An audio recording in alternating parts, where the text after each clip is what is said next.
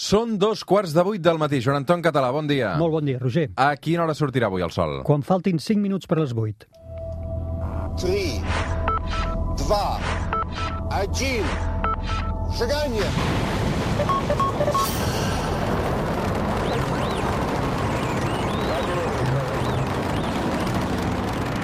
One small step for man,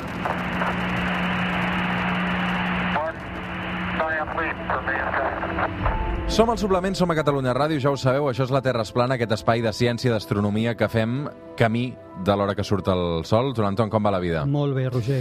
Avui deixarem una mica els astres eh, de banda, de costat, no? Però continuarem parlant de ciència, si et Sí, sembla sí, bé. sí, per divulgar i per explicar coses interessants. I de química, eh? Perquè tu ets químic quàntic. Què vol dir ser químic quàntic, exactament? Mm, No ho sé ben bé, eh? No això, això és ser químic i dintre de química haver perdut l'Oremus Uh -huh. i un que volia ser químic acabar fent una cosa que és com química teòrica, que és entendre les partícules, per tant, poca cosa de les sopes, que a mi m'agradava quan vaig començar la química, que era fer experiments. Tu tenies clar què volies ser de petit, ja o no? Jo, jo volia ser científic, això volia dir que podia ser des de metge a químic o a físic. O astronauta. Oh, mm, sí, astronauta la veritat és que en aquell moment en, encara encara no s'havia arribat a la Lluna quan jo era molt, molt, molt, molt petit. No m'ho plantejava gaire, eh? Mm. I quan vas decidir què vas estudiar al final? Llavors vaig tenir un accident eh, cap als 13 anys que em va fer perdre uns, uns cursos a, a l'escola. Què dius ara? Sí, No llavors ho sabia, això. eh, vam, vam agafar una profe particular de química i em va fer estimar la química, bueno, una passada. M'ho va explicar d'una forma, és allò que a vegades diem que qui t'ho explica té molt a veure i vaig dir, jo haig de fer químiques. Com es deia aquesta professora? Balbina. Balbina. I Balbina. aquella persona et va fer enamorat de la, de la química, absolutament, Mm. absolutament. I vas estudiar... Llavors em vaig, eh, vaig fer la carrera de química A, a on? A Tarragona, Mm. mig Tarragona, mig Barcelona, perquè llavors era Facultat de Química de Tarragona, però UB, no Mm. era encara Rovira Virgili, Universitat de Barcelona, i quan ja era mitja carrera vaig decidir que allò de la química normal, de fer analítica i tal, que jo tenia el meu laboratori a casa, bueno, jo era molt friqui amb això, doncs ho vaig vendre tot, ho vaig desfer tot i vaig dir que a mi el que m'agradava era la química teòrica, quan vaig veure tot el tema de les partícules i de la... Mm. i vaig fer química quàntica, que és aquesta part que està entre la física i la química. Però, i aleshores, també ets astrofísic, no, Sí, llavors jo mai no havia deixat també el tema d'astronomia i havia estudiat astronomia i al final això ho vaig acabar consolidant també en una altra branca que va ser un màster d'astrofísica. Carai. I fins aquí. I fins aquí divertit-me amb vosaltres. Doncs això vol dir que avui, si et preguntem, per exemple, per un element químic qualsevol i et demano que me'n desgranis i me l'expliquis una mica més, em sabràs respondre, no? Sí, com que ens ho hem preparat, Doncs avui, si et sembla bé, anem a la taula periòdica i ens aturem on hi posa carboni.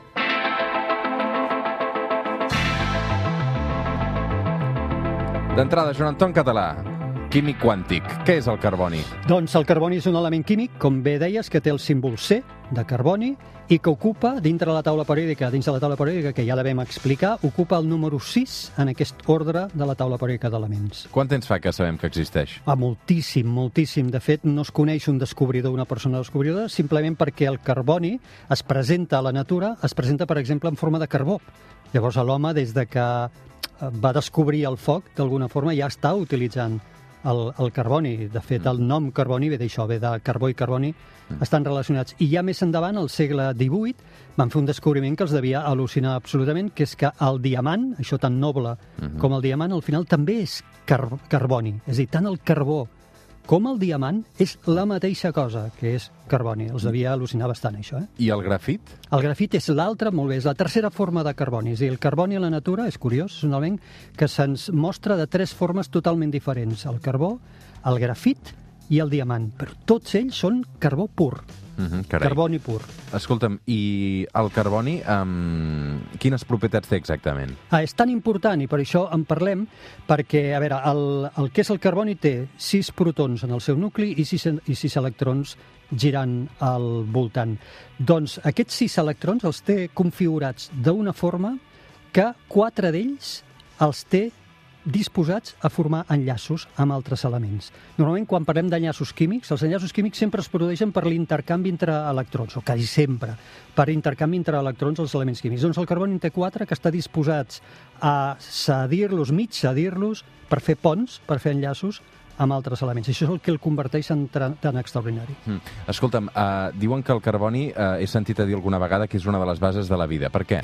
Aquests quatre braços que té, jo els enllaços diríem, imaginem que són quatre braços que es pot enllaçar amb, amb altres elements, doncs els quatre els pot enllaçar en si mateix, és dir, amb altres carbonis, o un braç, o dos, o tres, els pot enllaçar amb altres carbonis. I així és com ell pot fer cadenes llarguíssimes de carbonis, amb desenes, centenes, centenars o milers de carbonis fent cadenes. I això és fonamental per la, per la vida perquè això és el que ens ha generat tota la matèria orgànica que tenim dins el cos, les proteïnes, els lípids, fins i tot la cadena, les cadenes d'ADN, tot això són enormes cadenes de carboni. Sense el carboni, sense que tingués aquesta propietat d'enllaçar-se també amb ell mateix per formar llargues cadenes, no existiria la vida.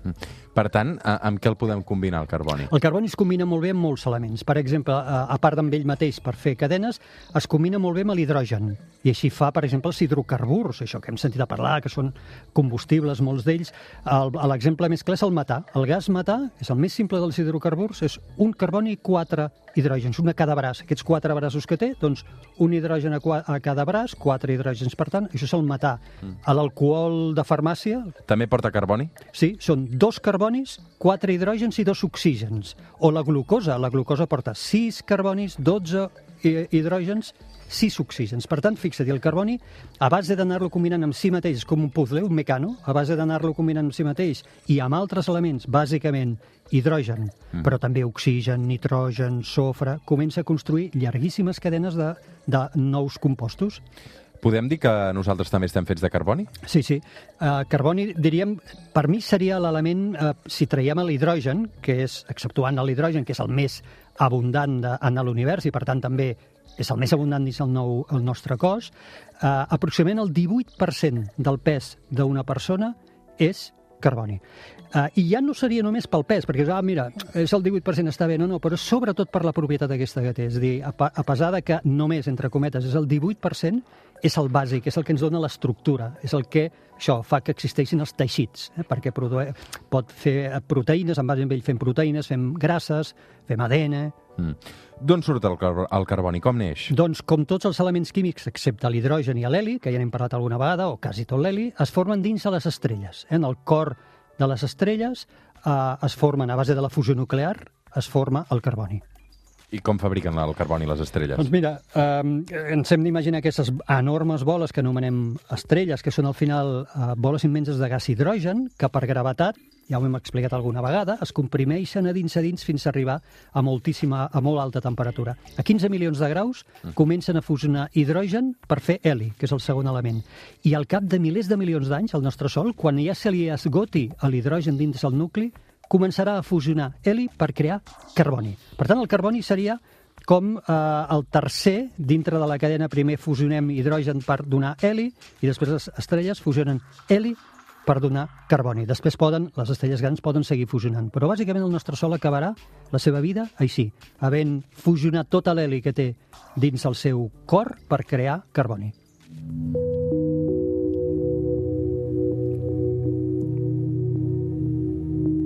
He sentit a parlar alguna vegada del miracle del carboni, Joan Anton. Què és això? Sí, és increïble, és increïble.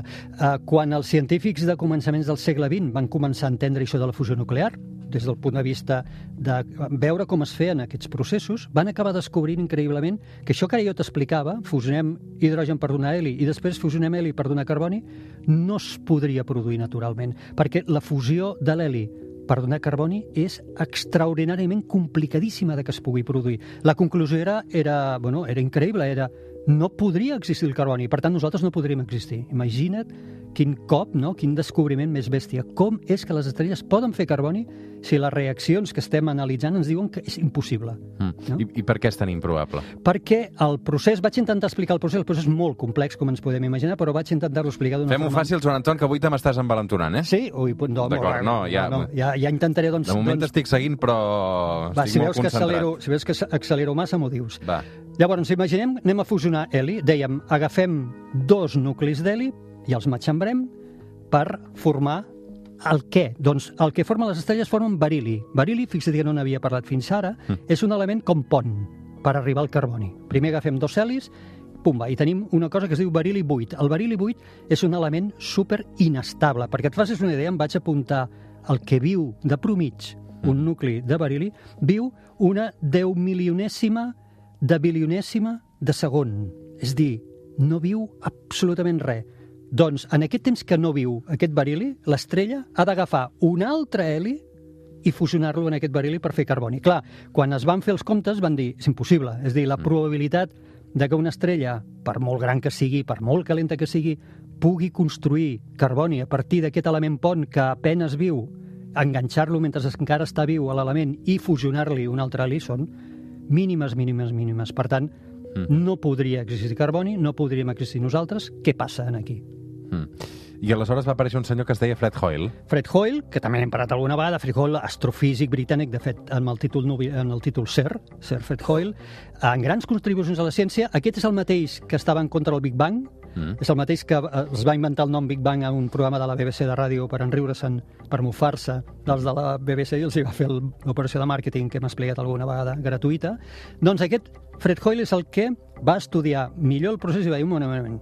Uh, ara us vaig explicar, on anem a descobrir com això es pot fer. I es diu que és el primer home que fa la primera predicció antròpica de la història. Què vol dir predicció antròpica? Sabia que m'ho preguntaries. Sí. Llavors, clar, uh, predicció antròpica és, fixa-t'hi, és un raonament molt utilitzat uh, amb, amb cosmologia. És, ja que som aquí, atès que som aquí, Mhm. obligadament les estrelles han d'haver fabricat carboni.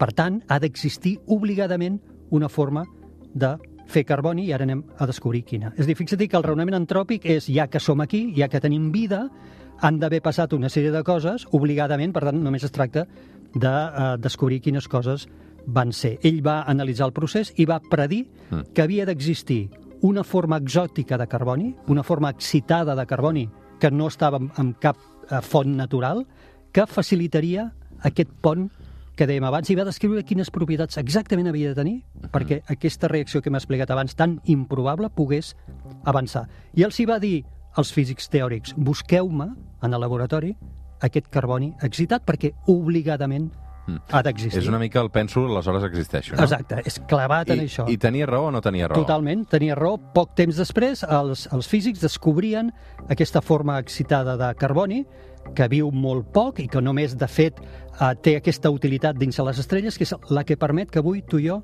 Mm. estiguem parlant en aquí, permet fer aquest pas d'heli a carboni. T'he portat uns artistes convidats avui al programa. Ah, sí? Són aquests.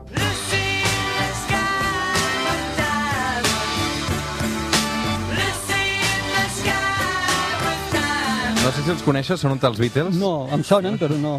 Uh, de fet, in the Sky with Diamonds Mhm. um, té alguna cosa a veure amb el carboni, tot això? Perquè, totalment. ah, perquè clar, uh, el cel uh, amb diamants, no? Sí, exacte, exacte. Bé, jo, jo la veritat, en el moment en què ells van composar, escriure aquesta cançó, estaven també en una fase de la seva vida una mica també còsmica, diríem, eh? Bueno, còsmica, bàsicament, perquè prenien drogues. Sí, bàsicament per això. Uh, sí, fixa't, Losing the Sky with Diamonds, Diamonds, carboni, hem, ja he explicat que diamant és carboni, però la qüestió és que um, hem explicat aquest procés en què el Sol anirà visquent, no? fusionant hidrogen per fer heli, després fusionarà heli per fer carboni i es moriran aquí. Per tant, quan el Sol es mori, quedarà com una nana blanca, que és aquesta resta calenta del que un dia va ser una orgullosa estrella, formada per carboni.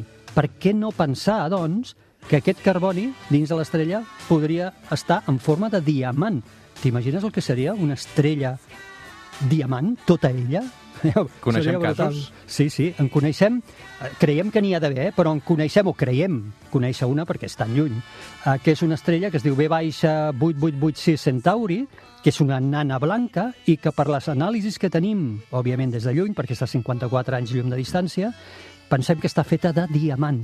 Perquè es fem una idea de com baixaria el preu del diamant, sí. si algú aconseguís portar aquesta estrella en aquí, té la massa igual que el Sol. Vol dir que té una massa de 330.000 vegades la Terra de diamant. Ai, ma, deixaria de valer res. Sí, el que exploti aquest diamant s'ha fer cases carregat... de, cases de Sí, diamants. sí, s'hauria carregat el mercat dels diamants totalment. Té substitut el carboni? Uh, en condicions exactes, exactes en el carboni, almenys aquí a la Terra, no exactament. Però sí que hi ha un element a la taula periòdica que està sota del carboni, que es diu silici. El silici també té propietats similars, no exactament igual, però similars al carboni, i també té quatre braços, aquests quatre braços que dèiem que té el carboni per fer llargues cadenes, el silici també els té, i també hem aconseguit en el laboratori formar cadenes que en lloc de carboni tenen uh, silici. Carai, doncs el silici que podria ser una opció, eh? Eh, Sí, però té algunes diferències eh, bastant eh, evidents respecte al carboni. Per exemple, eh, el carboni, si tu mires a l'univers, és el quart element químic més abundant. El primer és l'hidrogen, el segon és l'heli, el tercer és l'oxigen, el quart és el carboni. En canvi, el silici a l'univers és el 14au element químic més abundant. Per tant, té tota la lògica del món que la natura, per fer vida, hagi seleccionat el quart i no el, i no el número 14 per utilitzar-lo per fer vida, perquè és el que té més a l'abast. És el que... I després també perquè les propietats químiques no són, no són exactament el mateix. Per exemple, el carboni, quan es crema, quan es, com, es combina amb l'oxigen, fa diòxid de carboni, aquest gas efecte hivernacle, entre altres coses, és un gas. En canvi, el silici, quan es crema, fa sorra. Mhm. És la sorra de la platja, això és bàsicament eh, diòxid de silici. Ja veiem, una cosa és un gas, l'altre és una, un sòlid. És molt, a la natura li és molt més fàcil treballar en un gas per fer coses, perquè és molt daixable, que en un sòlid. Uh -huh. Per tant, no, tot i que té propietats similars, no seria, o creiem que no és exactament un substitut exacte del carboni. Molt bé. Uh, per què més es fa servir el carboni, Joan Anton? El carboni es fa servir per tot allò que anomenem química orgànica, que és quasi tot el que ens rodeja. Per exemple, tenim combustibles, pintures, medicaments, plàstics, fibres sintètiques, tot, pràcticament tot el que ens rodeja en aquí està fet de eh, llargues cadenes de carboni, això en forma de plàstic o de fibres sintètiques, o la benzina, o els combustibles, qualsevol altre combustible, o els medicaments, qualsevol medicament que tu agafis tindrà llargues cadenes, algun dels components que té eh, carboni. Per tant, tot el que és química orgànica, que és una enorme branca de la química eh, i dels plàstics, per exemple, tota la química dels plàstics, tot això basat en carboni. I per posar data als fòssils també ens serveix? Sí, ho hem sentit a parlar algunes vegades, el famós carboni 14. Mm. El mètode de datació de fòssils del carboni 14 es basa en el següent. Uh, en l'atmosfera, que tenim carboni, arriben rajos còsmics, arriba, diríem, partícules carregades de l'espai a gran velocitat molt energètiques, que reaccionen amb el nitrogen de l'atmosfera i produeixen carboni 14. El carboni 14 en diem que és un isòtop del carboni. Què vol dir un isòtop? Doncs que és igual, és un carboni, és un bessó del carboni, però que té dos neutrons més en el seu nucli. És com una varietat, és com un color, com un sabó o un color del carboni normal. Què li passa a aquest carboni 14? Que al llarg de milers d'anys es va descomposant, es va, es va diluint, es va descomposant. Doncs bé, quan les plantes fan fotosíntesi, agafen el carboni de l'atmosfera i el capten per fer sucres, per exemple. I quan nosaltres mengem, o els rumiadors, o qualsevol, menja vegetals, està incorporant aquell carboni en el teu cos. Mm. Si trobem un fòssil molt antic i som capaços de mesurar exactament quina proporció de carboni 14 encara no s'ha desintegrat, quina encara està en el cos, sabrem amb molta perfecció, amb molta exactitud, en quin moment va existir aquell organisme. Joan Anton, crec que el carboni també té un paper singular a l'hora de, de xifrar um, les temperatures de la Terra, no? El mantenir una temperatura estable. Totalment. Això que no ho escolti, si plau al tram, perquè igual es pensarà que ja tenim la solució i podem seguir contaminant, uh -huh. però sí, la Terra té un mecanisme regulador de la temperatura, però que funciona amb cicles de centenars de milions d'anys. I funciona en base a... Tenim eh, CO2 a l'atmosfera, aquest CO2 té un efecte hivernacle, ja ho sabem, fa pujar les temperatures. Quan plou, el CO2 eh, queda arrossegat per la pluja. Quan fa molta calor, plou més. Hi ha més pluja, s'arrossega més CO2 cap al terra. Per tant, desapareix CO2 i les temperatures baixen. Aquest CO2 que ha caigut a la Terra es combina amb roques. Les roques, pel vulcanisme i també per la, eh, el moviment de plaques tectòniques, aquest CO2 se'n va cap a l'interior de l'escorça i torna a sortir al cap de temps una altra vegada com a CO2, que torna a l'atmosfera. Llavors, fixa't que és un cicle. El gas que hi ha a l'atmosfera ens fa pujar la temperatura, però llavors plou més, traiem CO2 perquè la pluja ens el treu, va a les roques i finalment el CO2 torna cap a, l'atmosfera. Això és un cicle que s'anomena el cicle del carboni, que durant milions d'anys la Terra, la natura, ha utilitzat per mantenir les temperatures del planeta més o menys estables. Per això, clar, ens ho estem carregant, aquests processos que duren centenars de milions d'anys, nosaltres els estem replicant en qüestió de desenes d'anys. I aquest efecte d'hivernacle que està produint el carboni també ens està perjudicant a Sí, nosaltres? és, és això que dèiem, però eh, no és el carboni natural, és el carboni que nosaltres estem eh, produint. Diríem, tota la contaminació que nosaltres Mhm. eh, fem, molta d'aquesta contaminació està en forma de CO2, afecta hivernacle, fem pujar les temperatures, i això sí que a la natura li costa reaccionar. O si reacciona, reac reacciona en milions d'anys, no amb desenes d'anys, que és el que nosaltres estem demanant-li a la natura que reaccioni davant del nostre, de la nostra agressió. No pot fer-ho, no? Avui amb el Joan Anton Català hem dedicat una bona estona a parlar del carboni, aquest element tan, tan important. Sisè, sisè de la taula periòdica, Sí, senyor, molt això. bé.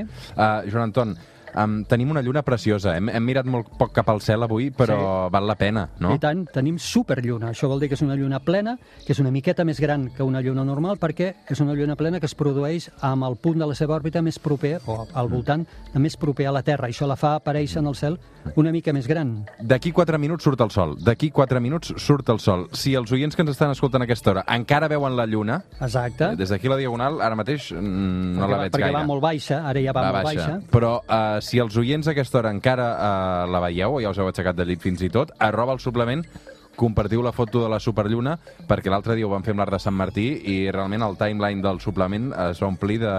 Perfecte. vam tenir una estampa fantàstica l'altre dia. Perfecte, és Ens va sortir l'Art de Sant Martí. Molt bé, és el que es tracta, És de maco, mirar, això. mirar el cel. Això és, és de moment és de franc. Quants dies durarà això de la superlluna? A veure... A, El dia gran quin és, avui? Avui i aquesta nit també, es Sí. diu, ho ha estat aquesta matinada i aquesta nit també perquè la variació és molt poca, eh? segueix sent una lluna plena, per tant una superlluna. Aquesta nit també, la gent que ara no ho hagi ja pogut veure, que s'agafi al vespre, la lluna surt a la que es pon el sol, per tant la tindrem de seguida aquest vespre. Si l'enganxem baixa, si l'enganxem baixa, també és el moment per fer una fotografia ideal en un paisatge, en el moment en què la lluna surt, que serà una lluna gran, bueno, fantàstic. Gràcies, Joan Anton. A vosaltres, com sempre. Fem una pausa i tornem.